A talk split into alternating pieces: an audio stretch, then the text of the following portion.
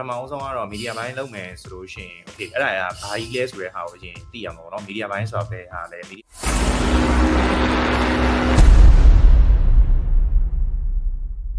ကိုတက်အောင်ဆောင်မေးထားတာကအဲမီဒီယာဘိုင်းလုပ်ဖို့အတွက်ကြားတဲ့ဘယ်လိုမျိုးအချက်အလက်တွေလိုအပ်လာလဲတဲ့အခုမှလေ့လာလို့မလို့ပါတဲ့ ဟဲ့ဟာဘယ်လိုမျိုးအချက်တက်လိုက်တွေလိုလဲလိုတာလဲဆိုတော့ပထမအောင်ဆုံးကတော့ media ဘိုင်းလုပ်မယ်ဆိုလို့ရှိရင် okay အဲ့ဒါကဘာကြီးလဲဆိုတဲ့ဟာကိုအရင်သိရမှာပေါ့နော် media ဘိုင်းဆိုတာပဲဟာလဲ media ဘိုင်းဆိုတာတကယ်ကျတော့ Facebook ပေါ်မှာ boost လုပ်တဲ့ဟာတစ်ခုတည်းကိုခေါ်တာမဟုတ်ပေါ့နော်ကျွန်တော်တို့ဒီတခြား channel တွေမှာကျွန်တော်တို့ brand အတွက်နေရာယူတဲ့နေရာယူဖို့အတွက် channel တူတွေပို့ပြီးတော့မြင်ရဖို့အတွက်ကျွန်တော်နေရာယူထားတဲ့ပတ်စံပေးထားတဲ့နေရာတွေအကုန်လုံးမှာအတွက်ကိုကကျွန်တော်တို့ media ဘိုင်းစုံတာမလို့ အဲအဲ့တော့ကျွန်တော်ပြောရမယ်ဆိုလို့ရှိရင်အာ online နဲ့ offline နဲ့လည်း꿰တယ်ပေါ့လေ media ဘိုင်းမှာအကုန်ပါတယ်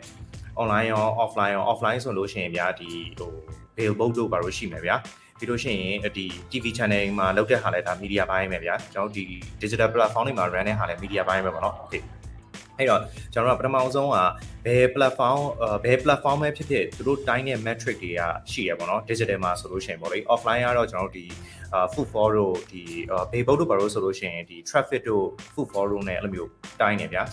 supermarket တို့ဘာလို့ဆိုလို့ရှိရင် food for တွေပါနေတိုင်းနေအဲ့တော့ကျွန်တော် digital မှာဆိုလို့ရှိရင်တိထားမဲ့ခဏန်းတွေရှိရပါတော့ ဥပမာ reach ကဘာကိုပြောချင်တာလဲ impression ကဘာကိုပြောချင်တာလဲ link click ကဘာကိုပြောချင်တာလဲဥပမာ engagement ဆိုလို့ရှိရင် engagement အောက်ထဲမှာဘာတွေရှိရလဲပေါ့လေအဲ့ဟာတွေကိုဟိုအရင်ဆုံးတော့ကိုကအရင်သိအောင်အရင်အာလောက်ရမှာပေါ့နော်လောက်ပြီးသွားတော့မှပဲအာ